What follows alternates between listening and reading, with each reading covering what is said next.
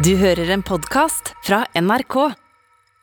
NRK P2. Håkon Kornstad er jazzmusiker, saksofonist, komponist og operasanger.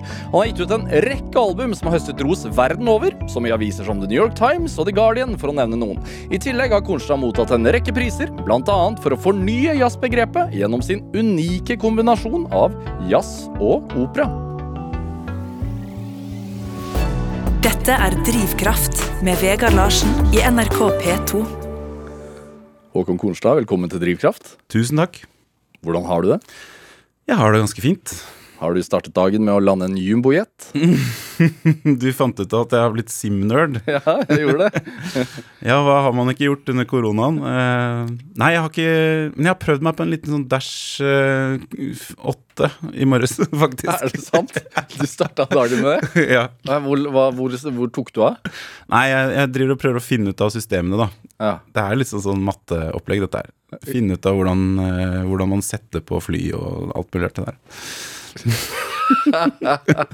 Du ler litt sånn pinlig berørt. Men, Ja, jeg gjør jo det. Men uh, jeg syns det er veldig moro. Uh, jeg har alltid drømt om å bli pilot, da, selvfølgelig. Ja, så, som, så, jeg, jeg liker ikke å være i fly i det hele tatt. Altså det, den, den drømmen forstår jeg ikke. Men, uh, men du, altså, du spiller flight simulator, eh, eller flysimulator, på PC Ja. med Altså, fortell. Har du hodetelefon? Har du mikrofon? Altså, hvordan Jeg kjører faktisk full VR, altså. Mm. Altså, du har på sånn har på Virtual sånn reality-briller? Ja, så kommer jeg helt inn i det og er i 3D. Nei, dette var noe som Dette, dette er et produkt av korona, vil jeg si. Eh, jeg fant igjen en gammel eh, hobby som jeg hadde når jeg hadde mer tid. Ja. Eh, det har ikke vært så mye tid de siste årene, og det har jo vært bra, for det har vært masse å gjøre. Men så ble det helt uh, stille, og så liksom hm, Hva var det jeg holdt på med før alt dette her? Når jeg ikke øvde og, og sånn, da. Ja. Uh, Hva spilte du da? Flight Simulator 2000? ikke sant? Da var det noen tidligere varianter. Men dette her er, det er blitt så avansert nå. Altså Du kan gå, ta på deg den der hjelmen, da, og så er du liksom inne i cockpiten, og alt føles 3D. Og du kan til og med, hvis du vil, så kan du koble deg på verden, da. Og da sitter det liksom sånn eh, air traffic controllere rundt omkring i verden eh, som du kan eh, snakke med, som kontrollerer deg, og sånn hvor du skal fly. Og, Altså, de, de, har, de styrer ikke flyet. Deres simulator er å være en ja, de sitter og er ATC-nerder, da. Men har du prøvd det? Ja, ja, ja. Ja. ja. Nei, jeg har ikke prøvd å være ATC. det Nei, men du har prøvd å kommunisere. Ja da, det er full, eh, full lingo og liksom eh, fulle rutiner. Hva er den lengst Altså, kjører du også sånn transatlantic Nei, jeg gjør ikke det, for det tar så lang tid. Ja, for det, det er Det er jo real det, time. det er real time, ja. Så det blir mye sånn uh, München, Innsbruck og sånn. Det har vært en viss sånn utfartstrang som har blitt dekket i dette her òg. ja. Liksom, du får virkelig følelsen av å være der. Hæ. Det er blitt helt utrolig. Hva Er det vanskelig å lande et fly? Nei. Nei, men altså sånn Når, når er det du Altså, du har startet dagen med å gjøre det òg? Er det for Hvorfor det? Nei da, nå, nå tulla jeg litt, men altså, det hender jeg har gjort det. Altså, Ja. det, det hender man, man Jeg går altså, Kanskje det er litt sånn at jeg bare går opp i ting, da. Veldig. Da blir jeg veldig Jeg får dilla, som moren min sier. Ja. Liker å vite hvordan det henger sammen? Ja, kanskje liksom jeg gir meg ikke før jeg får det til, da. Nei. Mm. Og ikke, ikke også sånn Fordi du sa at du hadde blitt gamer, og så spurte jeg sånn Ja, spiller du Fortnite, som er et sånn enkelt sånn skytespill? Mm. Sånn, nei, nei. Nei, det har jeg ikke prøvd engang. Nei, altså, jeg vet ikke om man kan kalle seg helt gamer når man driver med Nei, men det er sånn ekte ting. Ja. Ja. Og, og så ser du på Lego Masters, som er litt Altså, det er noen paralleller der, er det ikke? Eh, Nerdeparallellen er veldig klar, i hvert fall. Ja. Eh, men ja, eh, jeg liker å se på ting hvor folk eh, kan noe, hvor folk er kreative og bruker huet. Ja. Symesterskapet syns jeg har vært veldig morsomt å følge med på. Så nei, Lego Masters er gøy. Det er også, det er også en sånn derre ting som Altså, program som går på TV2, hvor Ja. det er forskjellige lag på to og to som konkurrerer om å bygge de mest avanserte og flotte Lego-modellene, rett og slett, på tid. Rett og slett, ja. Ja. Eh, modeller som jeg aldri sikkert hadde bygd selv. Men jeg har jo faktisk også hatt en liten sånn revival på Lego. Jeg har jo ikke barn, så jeg må liksom finne på de der tingene der selv. Ja. Men det å gå på en butikk og kjøpe seg en sånn svær Technics-bil som du aldri hadde hatt råd til hvis du var tolv, liksom. Som du drømte om. Som man drømte om. Eh, og så sette den sammen i løpet av en romjul eller noe sånt. Det er jo litt sånn Ja, det gir litt sånn nostalgi, men så er det samtidig vanskelig, da. Ja. Og meditasjon, Meditasjon. på et vis. Men hvor viktig er, er lek for deg?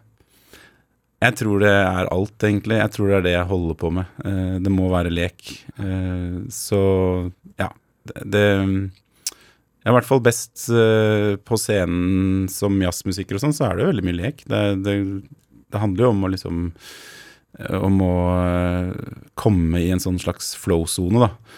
Eh, Hvor du, hvor du glemmer litt eh, hvor og hvem du er, og sånn. Og så bare komme inn i en sånn felles dialog, eller om du står alene, eller glemmer tida litt. Mm. Men, men da må man ha en trygghet i bunnen, da. Da må man ha Man må jo det. Man må jo Jeg tenker at det å spille jazz og det improvisere, det er jo som, det er jo som, som vi snakker nå, på en måte. Altså, jeg var jo litt nervøs før jeg skulle gå inn her. Jeg tenker liksom, hva skal vi snakke om? Jo- Lego og fly, Ja, flysimulator. så kom den med en gang.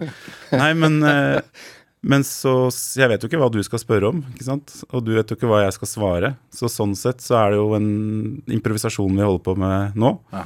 Og det er jo akkurat sånn på scenen også. Og vi har Ja, vi øvde jo med å snakke litt på telefon før og liksom tenke hva skal vi innom, kanskje. Og det er jo akkurat det vi gjør når vi møtes og øver litt i forkant òg. Men så, som du sier, man må ha et eller annet i bunn. Vi må ha et språk, da. Vi må ha et eller annet vi snakker, og det handler jo om å kunne et instrument, f.eks. Kan være bra. Eh, og ha noe du vil uttrykke på det instrumentet. Mm. Eh, og så kan du velge om det skal være veldig intellektuelt og liksom vanskelig, mange setninger, mange ord, eller om det skal være, gå rett til kjernen av et eller annet, noen følelser, f.eks. Eh, og det er jo litt sånn Det blir liksom stilen din da, som utøver. Eh, men, eh, men det er som Det er rett og slett en samtale. Men, men hvor delaktig er publikum i den samtalen? Veldig. Altså det har jeg skjønt mer og mer eh, eh, Jo eh, mer jeg har gjort dette her, så har det jo veldig mye å si om du har Du føler veldig fort at du har en eh, At publikum også er med på den dialogen. Det trenger ikke å bety at det liksom, de hoier og roper mellom hver frase eller sånne ting. Eh, da blir det nesten litt sånn det Du føler deg liksom piska opp. Men, men bare det at du har en Ja, du har en helt tydelig connection med publikum. Og det, det har jeg jo savna de siste par årene. Ja. Men eh, det har vært eh, Ja, det er veldig, veldig sterkt, rett og slett. Hvordan er det? altså, Jeg vil ikke at dette skal bli en prat om, om korona, fordi man er litt lei akkurat det. Men, men, men hvordan er det for deg nå når man er, står midt oppi det som kanskje kan bli en sånn ny lockdown? Vi vet jo ikke hva som skjer denne uka og neste, men Nei, jeg vet ikke. Jeg tror jeg bare må si at det, vi får ta hver dag og hver uke som kommer, og bare få med oss det vi får. Eh, men det har jo faktisk vært litt sånn at eh, etter forrige lockdown, når de åpnet igjen i eh, ja, hva ble det, våres liksom, så, så bare sa det pang, og så var det veldig mye mye oppdrag gjennom sommeren og gjennom høsten. Og da ble det nesten litt for mye av det gode igjen, for da sa jeg jo ja til absolutt alt. Jeg ville ha med meg alt, da. så da ble jeg nesten litt sliten. Så Ja, nei, det er, det er en rar tid. Men, men merker du at publikum har vendt tilbake sånn som før pandemien i det hele tatt? Det vil jeg jo kanskje si at vi ikke er helt der ennå. Altså, jeg tror folk har lagt om livene sine litt. Eh, det har ikke vært sånn at de liksom bare stormet til konsertlokalet med en gang det åpnet. Det har vært litt eh, trått, tror jeg mange har følt på. Selge billetter. Eh, ja, folk endrer litt livene sine. Har du endra ditt? Ja, dere hører jo det. Og sitter og spiller flysimulator og Og begynt å programmere?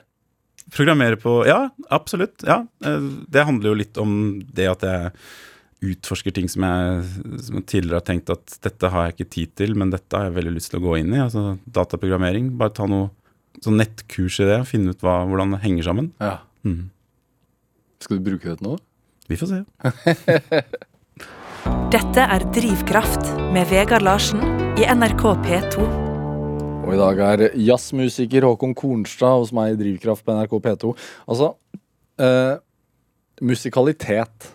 Hva er det for noe? Jeg tror det handler om å være kobla på, eh, høre på ting rundt deg og respondere på det. Eh, så er det selvfølgelig også noe du har eh, litt innebygget. Kanskje du har fått noen ører eller noe noen, Det handler om frekvenser, da. Altså ting som klinger sammen, og som du merker dette passer sammen, dette passer ikke sammen. Og kanskje du har den frekvensfølsomheten fra veldig tidlig av. Og så hører du de tingene, og så rekker du Har du vokst såpass at du rekker opp til et piano, og så begynner du å trykke på det pianoet, og så, og så kan du ja, kanskje gjenskape noe på det pianoet som er noe du har hørt på radioen eller på en plate. Snakker om det sjøl nå? Eh, Ja, man snakker jo ut fra seg selv. ja. Og så utvikler man det. Og så blir man enten pushet i en retning av noen, kanskje. Jeg ble ikke pushet i noen som helst retning. Jeg fikk bare lov til å holde på. Jeg tror ikke de tenkte at eh, skal han bli musiker? Er det noen som blir musiker? Jeg vet ikke. Jeg kommer ikke fra en musikerfamilie. Nei, jeg kommer fra legefamilie. Ja, og eh, ja, helsefamilie, kan vi si det. Ja. Mm. Eh, Så jeg eh, fikk lov å bare holde på med det, og ble selvfølgelig Fikk jo ros og, og sånn. Og i tillegg så var det jo masse musikk i huset. Ja. Når var første gang du Altså, jeg vet ikke, Skjønner man at man er musikalsk, og så skjønner man at man har et godt øre tidlig? Eller er det noe som må bli fortalt deg? Jeg tror kanskje jeg ble fortalt det, fordi at du, du, du holder på å sysle med ditt og spiller Plutselig så sitter du ved et flygel på et uh, juleselskap og spiller julesanger og synger det og føler at det er helt naturlig i en alder av tre år, og så er det noen som sier at liksom Ja, men dette her er jo faktisk ganske liksom mye, da. Eller ja. Ja, For du gjorde det? Eh, ja, jeg husker ikke hvor gammel jeg var. Men, men jeg har blitt fortalt det, da. Ja. Eh, og da med akkorder og liksom sånn Sikkert veldig, veldig basic, da. Men litt sånn ja, Men det å treffe riktig på tangentene som treåring er imponerende i seg selv. Ja, litt sånn altså Hva skjer når man bare får lov å holde på eh, og sysle, og så blir det Og så liksom Ja, du er musikalsk. Eh, jeg tror mamma fortalte at eh, vi hadde en nabo som sa liksom at ja, men han må jo liksom Dere må pushe han til å bli noe stort. Hvorfor, hvorfor sånn det? Kanskje det var Han var jo mye eldre. Kanskje det var liksom eh, den, den tingen han følte var viktig for Jo, men altså, da hadde han, hadde, han, hadde han hørt deg spille, da? Eller var det Ja, bare han hadde sikkert hørt noe. ja. Mm. Dere hadde du er, du er fra Bærum? Ja. Dere hadde instrumenter hjemme, da? Vi hadde et piano. Mm. Ja. Og så noen plater, og, og så ble jeg sunget for. Og, eh, og så etter hvert så begynte jeg å spille i et korps, så da begynte jeg på klarinett. Ja. Uh, men så ble det en saksofon ledig, og så syntes jeg den var veldig, veldig fint instrument. Mye gull og sånt. uh, og så var det vel Jeg connecta vel ikke helt med klarinettlæreren min. Så, så, så begynte jeg på saksofon, og da var det, da var det veldig da var det jazz med en gang, fordi da hadde jeg jo et instrument i hendene som låt akkurat sånn som platene til pappa. Hva var det? Det var Stan Getz, og det var John Coltrane, og det var de tingene der. Da var jeg 13. Ja. Mm. Men husker du Altså, så var det, Er det noen av foreldrene dine som spilte? Altså På det pianoet, eksempel? Ja, mamma spilte litt piano. Ja. Mm. Og så, og så spilte de mye plater, så liksom hjemmet var fylt med musikk? Ja, det var jo egentlig det. Mm. Men det var ingen av de som liksom drev det til liksom noe mer, da. Men de spilte litt og var, er tydelig musikalske, begge to.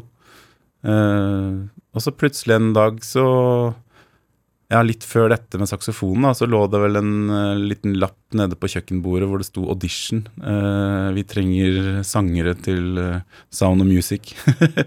så da meldte jeg på meg på der, da. Ja. Og var med på liksom, Sound of Music i 1988 med Sissel Kyrkjebø og Nei, er det sant? Mm. På hvilken scene var det? Nei, det var rundt omkring. Vi var på turné. Det var på Chateau Neuf, og det var på Vi var i Bergen, og vi var i Kristiansand og Stavanger og Trondheim. Og du var et av barna? Jeg var et av barna. er det sant? Det er ikke så mange som vet det. Hæ? Doremi? Da er det mi. Doven, dov, nei, doven, dovendyr Ja, nei, jeg husker ikke teksten. Men uh, det var uh, Det var en skikkelig sånn uh, i, ja, veldig spennende tid. Veldig morsomt. Og, og det tror jeg kanskje hadde Og, Kyr- og også Sissel Kyrkjebø på den tiden var jo huge. enorm. Ja, ja, ja, ja, absolutt. Hvordan var det å reise rundt og stå på en scene? Nei, det var jo Det ble, det ble liksom noe man var, ble vant til. Jeg, jeg leste et intervju av meg selv med Aftenposten da jeg var ti år, eller noe sånt. Eh, eh, Jeg husker ikke, Det er lenge siden jeg leste det, men det var et eller annet sånn at liksom Ja, jeg blir ikke nervøs, liksom, sier rutinerte Håkon 10. men det var, det var jo det var jo selvfølgelig, Jeg tror det var mer en påkjenning for foreldrene å drive og reise rundt med oss uh, ungene som løp rundt på hoteller og holdt på, liksom. Ja. De måtte ta seg fri fra jobben for å være med, liksom. Hør, hørte den forestillingen sikkert. Jeg hørte den hver kveld, og er aldri, ser, dere ser aldri Sound of Music. Sånn. Nei. Men er, tror du at At det var eh, Altså, startet det hele for deg da? Altså, det virker jo nesten sånn. Eh, det kan være at liksom det der med å opptre for et publikum og få liksom respons og det der, der Ja. startet vel kanskje da, for alvor. Mm. Hvem var du ellers, da? Hva da? Hvem var du ellers? Hvem jeg var ellers? Ja, Som barn? Nei, jeg var en litt sånn uh, jentete gutt som uh, Hva, hva i all verden vil det si? Nei, jeg var liksom Jeg, jeg vet ikke, jeg var litt sånn uh, Nei, hva vil det si? Nei, jeg var eh, Jeg var en litt, eh, litt sånn innegutt som holdt på med Lego og flysimulator. Ja. Det, altså, både flys- flysimulator og Lego er jo konsentrasjonsøvelser. Ja. Eh, og du må forstå I hvert fall når man bygger Lego, så må man jo forstå konstruksjoner, og det er litt sånn nærmest matematisk. Mm -hmm. Hvor, hvor tett er det knytta til musikk? Eh, det er jo Musikk kan jo være så matematisk du vil, egentlig. Eh, og så kan det I min musikk så har jeg tatt veldig liksom Ja, kanskje matten er i bunnen et eller annet sted, men at jeg liksom prøver å Jeg har vært i miljøer som har tatt litt sånn avstand fra det matematiske. At det skal mer være en sånn free flow, da. Men det ligger jo matte der likevel. Det er jo rytme, det er jo ting som går opp. Og hvis ingenting går opp, og alle, ingen frekvenser stemmer, så blir det jo stygt.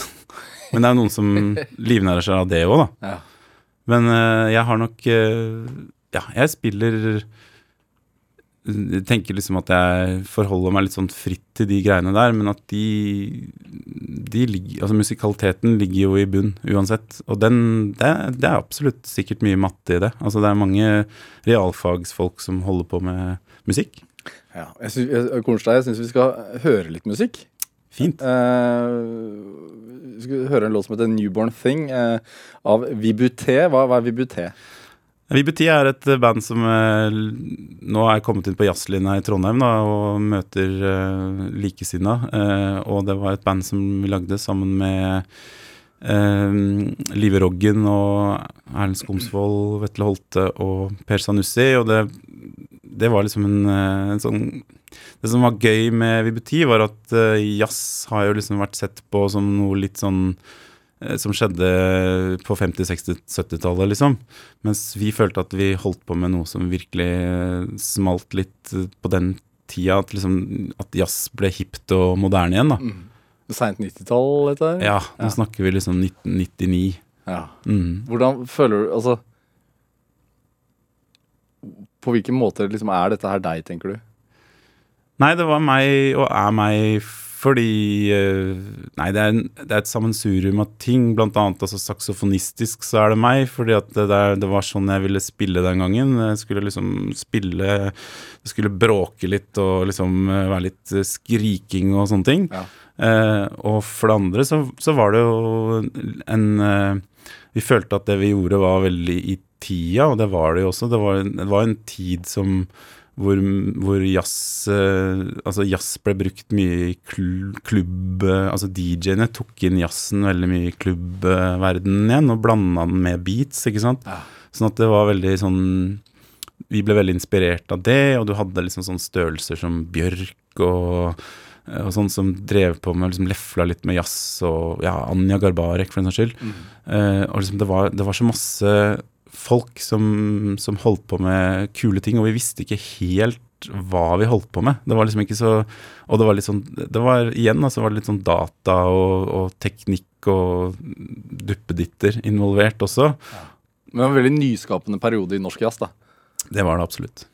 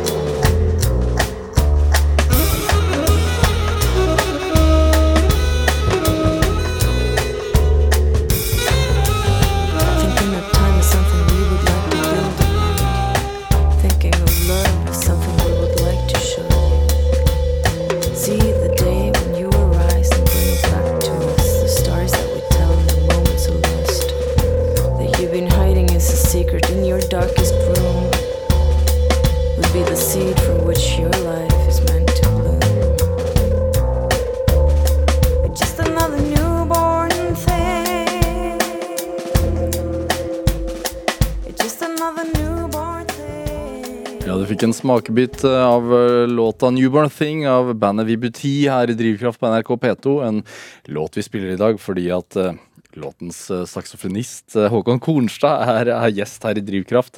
Eh, gjorde du mer enn å bare spille saks på den, var du med å komponere låta? Hvordan var det? Eh, nei, vi, vi komponerte litt sånn i Sammen. fellesskap, men dette er jo i utgangspunktet en låt som, uh, som bassisten skrev, da, Per Sanussi. Ja. Uh, men vi var sånn veldig kollektiv, og det var en veldig sånn Det var- det er veldig sprøtt å høre på det. Jeg har ikke hørt på dette her på lenge. Eh, så jeg syns det er jævlig bra, rett og slett. Nei, men det, det, det, det var en veldig, veldig sterk tid, da. Det er det jeg liksom Jeg kaller det liksom technicolor-tida. Liksom tenker på sånne filmer med Endelig var det fargefilm. ja, liksom. Liksom sånn hvor, Altså den derre tida man er i 20-årene hvor liksom alle farger er så sterke, og alle inntrykk er så sterke. Og det at det liksom da etter jazzlinja i Trondheim eh, jeg, jeg holdt ut to år på jazzlinja, for det skjedde så utrolig mye i Oslo fra 98. Da ble jo klubben Blå startet. Eh, og kom dit, liksom, og plutselig var det Altså, det var folk Det var liksom mottakere til det man hadde studert, og det man elsket å holde på med, og det man ville gjøre, og man fikk liksom respons på det av liksom kule folk på sin egen alder, ikke sant. Eh, så nei, det var faktisk Og det med blå også, det skjedde så mye der. Det var så mye konserter og så mye samarbeid med mellom eh, alle mulige sjangre, og det var en kjempe sånn eksplosjon av eh, ting som fortsatt liksom egentlig smeller der ute i verdensrommet, liksom. Ja. Hva, altså, for jeg husker jo eh, den tida sjøl, men litt seinere, altså tidlig 2000-tall, og da var, føler jeg som at den nye hva skal man si, den nye norske jazzgenerasjonen var liksom veldig i vinden. Mm. Eh, Jaga jazzist ble pratet om overalt. Mm. Eh, du nevner Blå, også en av de mest legendariske eh, konsertscenene i Oslo. Eh, folk frekventerte dit, og, og veldig mange som egentlig ikke i det hele tatt hadde noe forhold til jazz fra før, egentlig. Det ble liksom var veldig sånn hipt å gå på Blå og høre, høre noe norsk eksperimentell ny jazz. Mm. Ja, vi snakket mye om det der at liksom eh, folk eh, kanskje var der for andre ting, eller for å, altså, for å se og bli sett og drikke øl og sånn, men så fikk de med seg et eller annet som var virkelig bra samtidig. Da. Altså som De fikk med seg musikk som var, som var ganske grensesprengende og bra. Følte du noe på det sjæl? Følte du Altså, var du rockestjerne?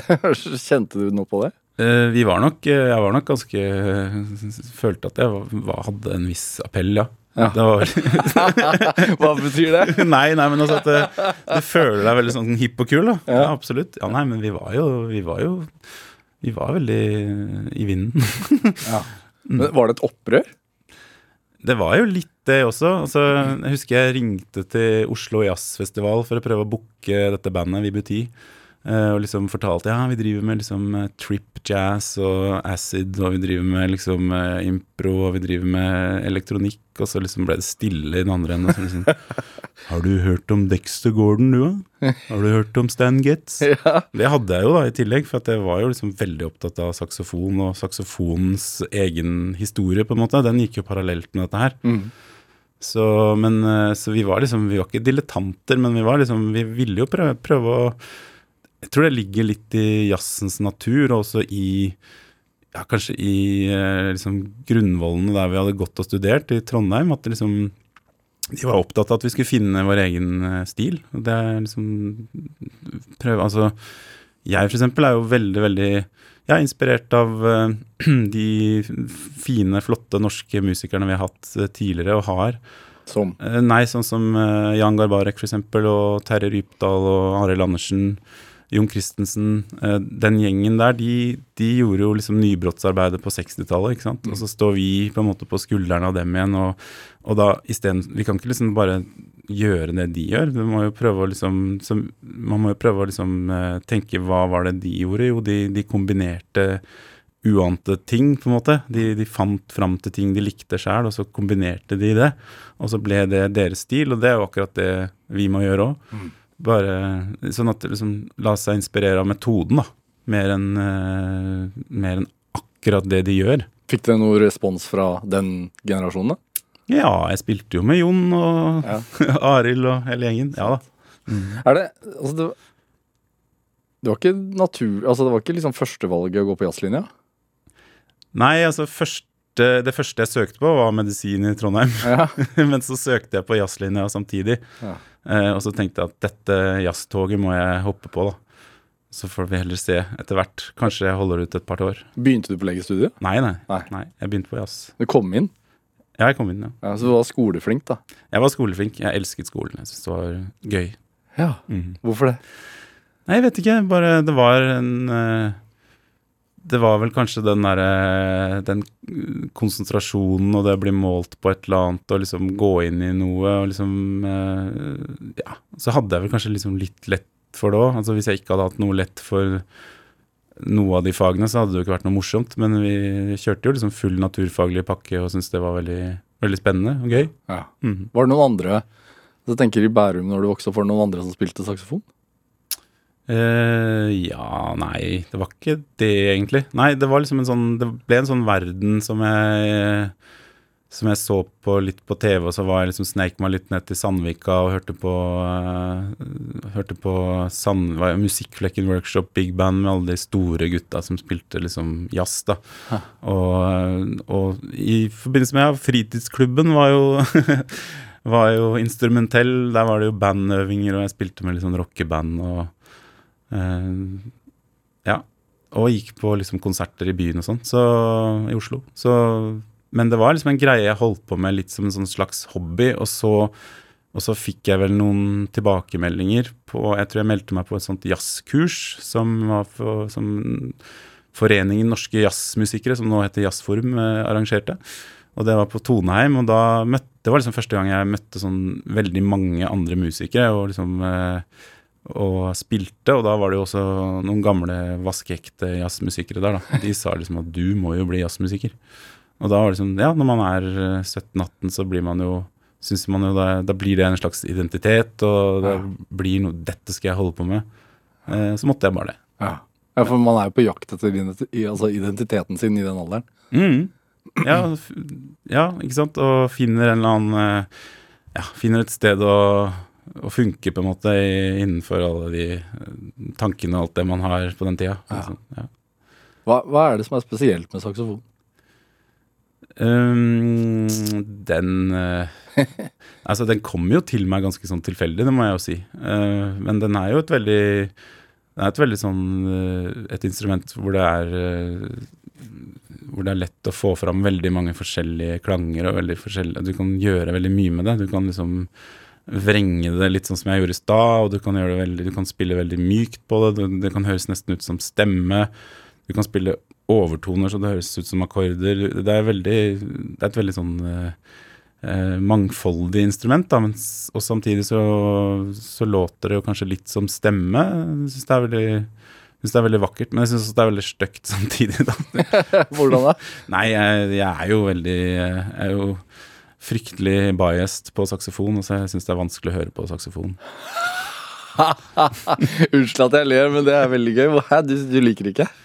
Jo, jeg liker det, og kanskje det at jeg liker det for mye. Jeg er for, for nedi det, da. Så når, eh, altså når andre setter på en saksofonplate for å koble av, så kobler jo jeg på, ikke sant. Jeg begynner jo å høre, høre på etter ting. Eh, men det er jo så masse det er masse jeg elsker å høre på. Altså Hvis du setter på en gammel Coltrane-plate eller en Stan Getz eller en eller annen av de liksom gamle, så, så er syns jeg det er veldig bra. Og så er det masse unge som holder på, som gjør bra ting. Så, ja. så det er jo jeg må, bare, jeg må bare treffes i det riktige tidspunktet. Det var liksom Det var morsomt. Jeg var på en, en film, eh, jævlig bra film av eh, Åh, nå glemmer jeg jo selvfølgelig hvem det Den som heter eh, Barn.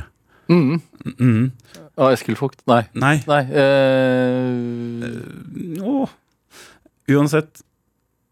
Det kommer til oss. Men eh, vi, jeg, Jernteppe. Ja, ikke sant. Jeg hørte noe musikk der. Var det noe sånn saksofonmusikk eh, i forbindelse med liksom rulletekst og ja, litt sånn rundt omkring. Og tenkte wow, denne saksofonen Sånn kunne jeg spilt. Dette var jo veldig flott.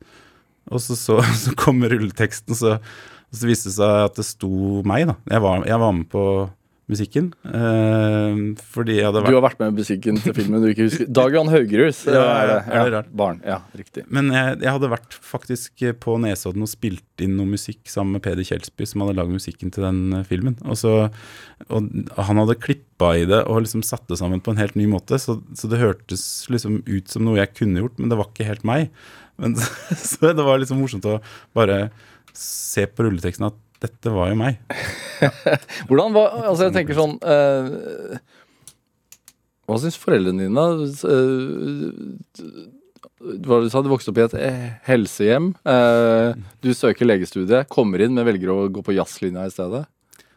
Ja, jeg, jeg, vi har faktisk ikke snakket så mye om akkurat da, men jeg, jeg tror nok at de tenkte at eh, ja, men kan han ikke bare prøve det, og så finner han fort nok ut om, om det er noe eller ikke. Jeg tror de syntes det var veldig stas. Men samtidig liksom eh, Men at liksom mm, Jeg kan jo begynne på medisin igjen etter hvert, hvis Ja. jeg ikke vil. Hvordan var møtet med jazzlinja? Det var interessant. Jeg trodde jo Det er jo masse sånne ting i forbindelse med ja, sånn eh, identitet og alt mulig rart. Jeg trodde jeg skulle komme til et veldig sånn eh, liberalt og litt sånn flamboyant eh, miljø med sånn kunstnere og liksom sånn. Jeg hadde jo akkurat jeg ja, funnet liksom ordentlig ut at jeg var homo og litt sånn der, der jeg dra opp dit. Jeg tenkte at nå skal jeg endelig leve ut alt, alt jeg er, den jeg er. Eh, sånn var det jo ikke helt. Det var jo et ekstremt sånn mannsdominert eh, miljø på den tida der. Veldig hetero, veldig streit, veldig Macho, liksom? macho, egentlig. Ja. Eh, og litt skummelt, sånn sett. Eh, det var jo den, den biten av det. Men macho med at det var konkurranse, eller at det var hvordan Nei, at det var så bare så mye gutter, liksom. Det var liksom ikke Det var før eh, det var kommet så mye jenter til som spilte. Jentene var Det var én eh, kvinnelig saksofonist der. Så det begynte å komme, da. Men, eh, men de som var jenter som var der, de var sangerinner, liksom. Ja. Så det, det har skjedd først i de senere år. Det er jævlig bra, rett og slett. Men det var, et veldig, det var litt sånn litt skummelt miljø å komme inn i. Jeg følte at jeg måtte liksom Var det liksom vanskelig å si at du er homofil? Jeg sa jo ikke det. Jeg, jeg var nok litt eh, jeg, Det var en litt annen tid, det der der. Det var jo 96, liksom. Så det var jo, det var jo ikke noe farlig. eh, og når jeg først sa det, så var det ikke noe farlig. Nei. Men eh, kanskje jeg gjorde det litt farligere enn det det var. Ja. Eh, og så var det jo Det var som sagt en annen tid. Det, det kom ikke så lett ut, på en måte. Men, eh, men det ble jo desto mer fokus på å øve saksofon da, og bli bra på den. Hmm. Murte meg sikkert litt inne med det. Er det Må man i, i forhold til altså Du sier at det ble tatt godt imot da jeg sa det og sånn, det var ikke noe farlig i det, men må man, må man lære seg på en måte å elske den siden ved seg selv? Ja, jeg tror, eh, jeg tror at én ting er jo liksom å komme ut og ja, si det til alle og sånne ting. Og så, så er jo neste fase at du liksom eh, ja, fortsatt elsker deg selv for den du er, og sånn du lever og det livet du får, på en måte. Ja. Så det er ikke sånn at liksom, å, befriende? Jo, det er kjempebefriende. Ja. Og det er jo så Altså, jeg er jo ekstremt privilegert som har vokst opp i Norge, liksom, og, og har venner som er høyt utdanna og, og, og liberale. Det er jo ikke alle i landet vårt heller som, som er like privilegerte med akkurat den biten. Da. Men, eh, men likevel så må man jo lære å elske seg selv for det. Ja. Men er det grunnen til at du Altså det machomiljøet, er det grunnen til at du var der såpass kort? Eller ja, du var der i to år, da, men eh, Nei, det vet jeg ikke helt. Det tror jeg ikke hadde noe med saken å gjøre, egentlig. Jeg tror eh, jeg, tror jeg bare er en fyr som vil videre hele tiden. ja. Ja. Men det var, ja, grunnen til at jeg flytta tilbake til Oslo, var jo at jeg, jeg, ville, jeg ville være en del av det blå miljøet og det, det som skjedde. Og at jeg følte at liksom Når vi skulle begynne på pedagogikk på jazzlinja, velge mellom det og komposisjon, så følte jeg ikke at det var så relevant for meg. Jeg ville spille. Jeg ville ut i verden, liksom. Når skjedde, når skjedde det? Når var det verden begynte å banke på? Eh, 98-99 kanskje. Og møtte Bugge Wesseltoft eh, og begynte å spille inn ting på ha-labelen hans som han hadde akkurat startet. Og så fikk jeg lov å være med han ut i verden og spille litt eh, med New Conceptions of Jazz. Og det var jo kjempestas. Og han har jo virkelig betydd veldig masse både å presentere musikken min og, og også nesten som sånn mentorgreie på, på det med liksom hvordan man hvordan improviserer vi i dag? Altså sånne samtaler rundt hvordan man bygger opp en solo, og hvordan man uh, spiller sammen. Ja. Uh, og liksom og også en Ja, spilte gamle ting, og vi hørte på ting. Og bare det å være med så bra folk fra starten av har vært kjempeviktig. Skjer det altså at du Altså at du kan stå på scenen og få liksom, altså gå inn i en slags sånn Altså at du får frysninger selv, og at du bare er, er der? Ja, det skjedde veldig mye da. Jeg får det litt fortsatt, eh, og det er jo kjempegøy eh, når det skjer. Det skjer jo kanskje ikke så ofte lenger. Men Hvorfor det? Jeg vet ikke. Det handler kanskje om liksom at eh, jeg har hatt de frysningene før. Jeg vet ikke helt. Altså at det å stå liksom plutselig og så høre Bugge legg, legge an en pianoakkord som var liksom akkurat sånn, og så, og så liksom er det noen cymbaler som klinger litt, og en bass, og så liksom skal jeg spille opp på dette her? Er det jeg som skal Du merker at det er din tur, liksom? Ja. Og det låter liksom bare så nydelig på en måte allerede, og, og liksom å høre hvordan, hvordan ja, din klang kanskje liksom bare ja, fletter seg naturlig inn i det, da. Det er veldig stort. Husker du noen sånne altså spesielle konserter? Jeg husker bare én konsert. Nå blir Bugge kanskje litt sur når jeg forteller det, men vi var, i, vi var i, på Nordsea-festivalen og spilte. Og Hvor, det, hvor er det? Hva? Det er i, um, i Nederland. eh, En sånn svær, merkelig festival på et eh, digert konferansesenter hvor folk bare går rundt og shopper jazz, og så er det litt grann der, og så er det litt grann der. Men dette var en, en konsert med Bugge hvor, hvor folk satt veldig rundt på gulvet. Jeg tror de hadde fått seg litt sånn å røyke på litt forskjellig sånn. De var veldig sånn de, de tok det som en veldig sånn meditativ greie, men, men Bugge ville jo gjerne at dette her skulle danses til. Altså dette var liksom ny dansemusikk. Eh, så midt i min meditative, flotte solo som jeg var i gang, så bare som stopper han hele bandet. Og så sier han Kan dere være så snill å reise dere opp og danse? Og det, hva slags respons ble det? Nei, vi måtte jo danse. Dette er Drivkraft med Vegard Larsen i NRK P2. Og i dag er jazzmusiker Håkon Kornstad hos meg i Drivkraft på NRK P2. Du, det du sier er at du eh, Du sa ikke ordrett at du er rastløs, men du sa i hvert fall at du har, eh, altså, har et behov for å liksom gå litt sånn videre. Ja, jeg tror hvis vi skal liksom eh, oppsummere min drivkraft, så er det rett og slett at jeg, at jeg har noe der framme som er litt sånn uvisst, som jeg, et, et slags mål, et eller annet jeg, Noe som jeg kan sikte mot, noe som drar meg framover, da. Har du, er det alltid, alltid vært sånn? Ja. Ja, Hva, hva har de forskjellige målene vært? Nei, det har jo blitt ganske mye forskjellig opp igjennom, da. Ja. Altså et, et eller annet liksom å sikte mot, et eller annet man ikke vet helt, noe som kan bli stort eller lite eller hva, um, noe som jeg ikke vet, da. Ja. Uh, og i begynnelsen så var det selvfølgelig saksofon, og øve på, øve mot å bli så bra som mulig på det, og liksom se hva som skjer, og så det derre reise ut i verden, spille, eh, gi ut plater. Um, og så etter hvert så hadde jeg jo gjort det så lenge, da. Jeg hadde gjort det siden jeg var eh, 19, ikke sant. Og gjort det bra. Ja, ja. Fått massiv, altså kjempekritikker verden over. Reist rundt. eh, etablert deg som et stort, stort navn innenfor uh, jazzen, da. Jeg hadde i hvert fall masse å gjøre. Og, Ja takk, sier du. Ja, takk, ok. Ja. Ja, men det Hvordan var er du med ros, egentlig? Jo, jeg tåler ros. Så- Og så bare sånn Nei, da, jeg skal begynne å synge opera. Ja, men det kom jo Altså, nå har jo lytterne fått høre at jeg også var med på Sound of Music. Jeg tenker at det, alt henger sammen med alt, da, som Gro sa. Altså at det, det er så mye tråder som, som jeg, jeg, jeg tror kanskje jeg savna litt he, altså det å synge. Altså, jeg tror jeg begynte å merke det. Jeg tror det var Jeg var, eh, jeg var med i bandet til Anja Garbarek, eh, og da var jeg både fløytist, saksofonist, syntespiller og backingvokal. Eh, men så merket jeg at jeg begynte å synes det var så deilig å synge det backing-vokal-greiene. At det liksom, Oi, jeg har jo en stemme, og jeg hadde liksom sånn det var liksom, Jeg begynte å oppdage stemmen min, da. Ja. Og det var kanskje på den siste Vibuti-plata også, at jeg tenkte at liksom Da sang jeg på en låt og litt sånn. Eh, men jeg visste ikke helt hvordan jeg skulle bruke den stemmen. Jeg hadde ikke noe lyst til å liksom eh, synge så mye i forbindelse med jazzen min. Eller jeg visste liksom ikke helt eh, Det var så mange Jeg hadde ikke liksom noe fasit på hvordan jeg Eller noen ideer ennå om hvordan jeg skulle bruke den stemmen. Mhm. Og så var jeg i, i New York eh, på et sånt eh, litt lengre opphold der.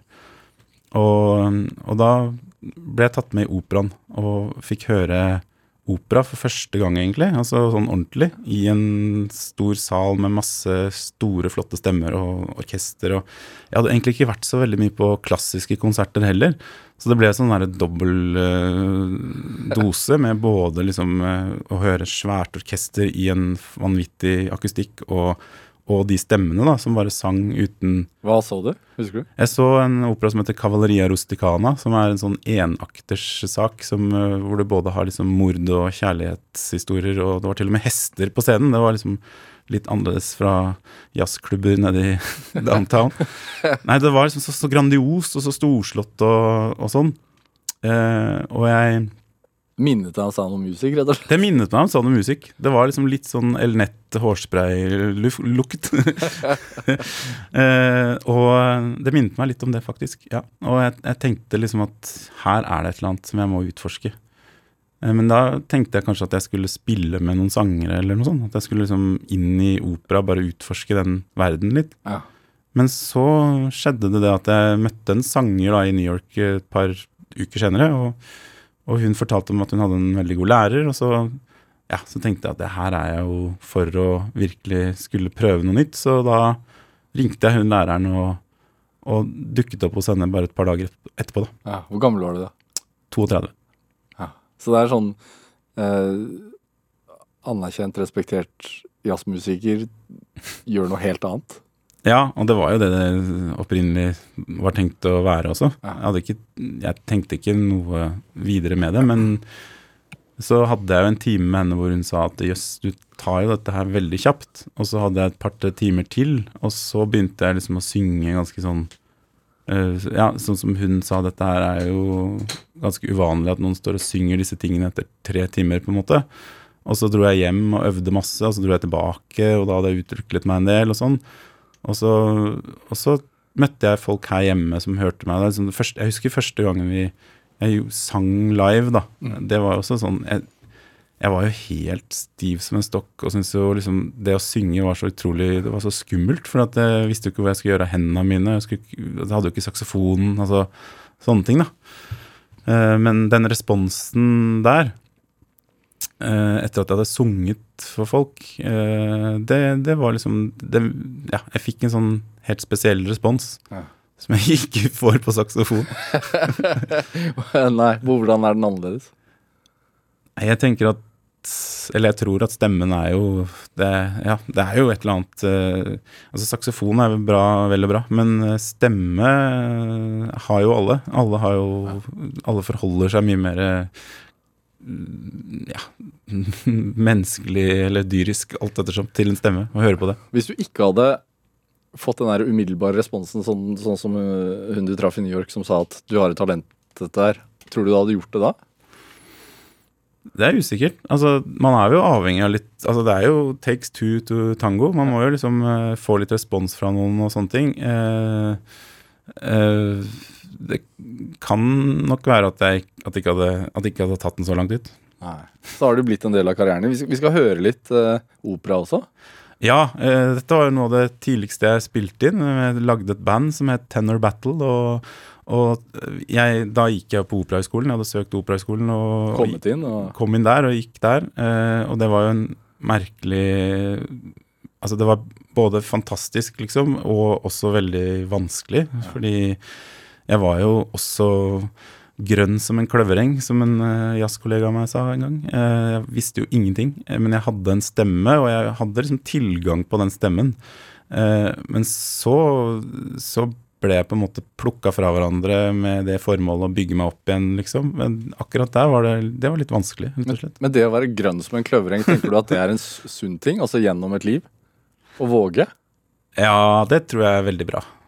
Eh, også, men i møte med litt tradisjonelle kunstformer så kan det være litt skummelt, kanskje. Skal vi høre?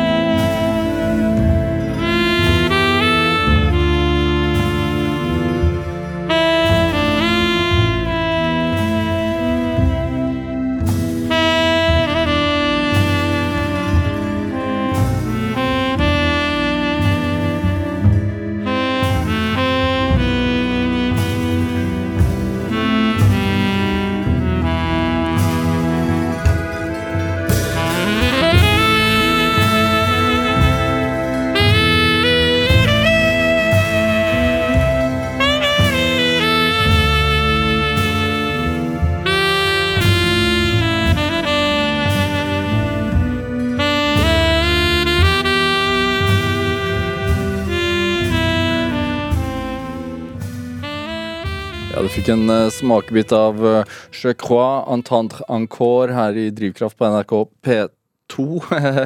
Fremført eh, av blant andre Håkon Kornstad, eh, som er min gjest her i Drivkraft i dag. Det er jo en rekke som er med på, det, på den utgivelsen, eller på den låta vi har hørt nå. Um, Kornstad Ensemble, var det det dere kalte dere? Ja, noe sånt. Ja, Mm. Men vi hører jo også din uh, miks mellom opera og, og jazz. Du spiller jo saksofon her også. Mm. Eh, altså, det var et skifte i karrieren din på et vis. Eller i hvert fall en ny retning. da. Mm. Er vi har snakket litt om identitet. Handlet dette om identitet også? Ja, det gjorde det. Altså, jeg har alltid vært uh, opptatt av språk. Jeg har vært opptatt av altså, Jeg følte at jeg fikk uttrykke meg enda mer da, ved å bruke stemmen også.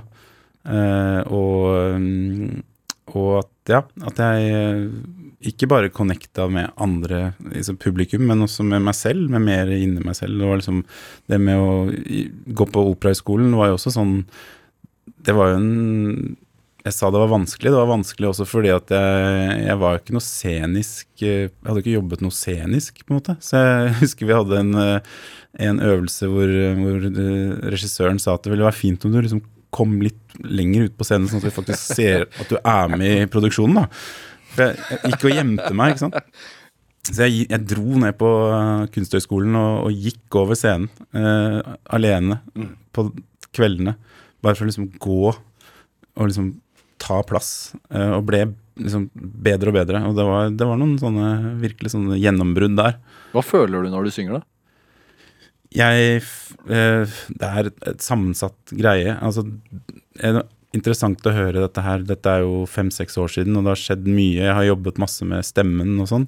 Og nå tenker jeg jo Det kan være liksom Noen ganger så må du tenke teknisk på en ting. Du skal liksom på en frase, en geometrisk frase, nærmest. Det er liksom matte, da.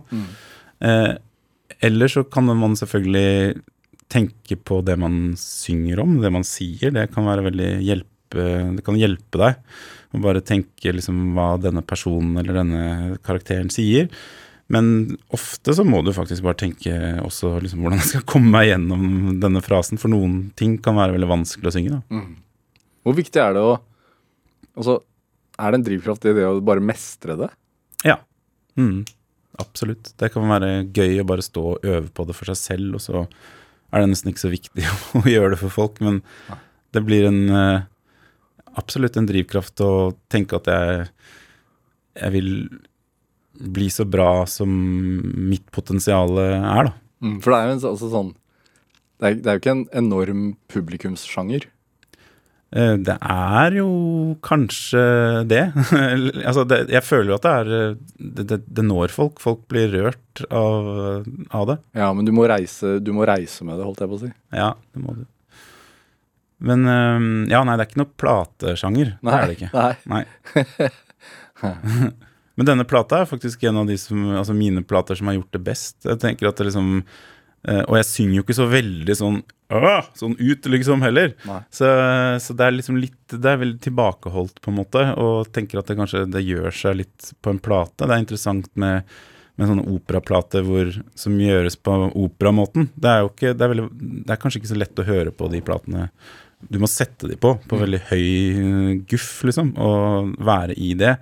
Det, det er ikke, jeg tenker at platene mine skal, det jeg lager, skal brukes til veldig mye forskjellig. Altså Folk kan ha det på Det høres sikkert ut som å banne i kjerka, men jeg syns det er fint at folk bruker platene mine til alt mulig rart. eh, Og til eh, liksom alt fra og bakgrunnsmusikk til en middag mm. til andre ting. Så jeg syns det er fint. Hva tenker du er drivkraften, da? Nei, altså drivkraft Jeg, tenkt, jeg har jo tenkt mye på det ordet Siden du skulle hit. jeg skulle hit. Jeg tenker at uh, Hvis jeg skal tenke litt sånn matematisk, så er liksom drivkraften er jo liksom summen av alt som driver deg framover, og alt som holder deg tilbake, på en eller annen måte. Mm. Uh, men for meg så er det nok aller mest det der å ha et eller annet uh, framme i sikte. Altså Noe som er spennende, noe jeg kan jobbe mot, liksom, som jeg ikke vet helt hva er. Hva er det nå, da? Eh, Dette ubestemte framme? Nei, Nå er det litt ubestemt. Eh, nå er det litt sånn Jeg har gitt ut eh, ga ut to plater i fjor, og, og da pleier jeg alltid å være litt sånn. At, jeg, at det, liksom, det er litt sånn u, Det er litt tåke der framme. Jeg vet ikke helt hvor jeg skal hen. Så jeg er liksom en sånn eh, beslutningsfase der. Finne en ny, usedvanlig vanskelig teknisk sjanger å holde på med. Kanskje. Håkon Kornstad, tusen takk for at du kom hit til Drivkraft. Takk, takk for at jeg fikk være med. Hør flere samtaler i Drivkraft på nrk.no. Eller i NRK radioappen. Der kan du høre alle podkastene våre. Send oss gjerne ris og ros og tips til mennesker som du mener har drivkraft. Send den e-posten til drivkraft, krøllalfa, nrk.no. Vi hører veldig gjerne fra deg. Produsent og researcher i dag var Guro Thomasdatter Aasholm. Anne Sofie Stang bidro også til denne sendingen. Jeg heter Vegard Larsen. Vi høres.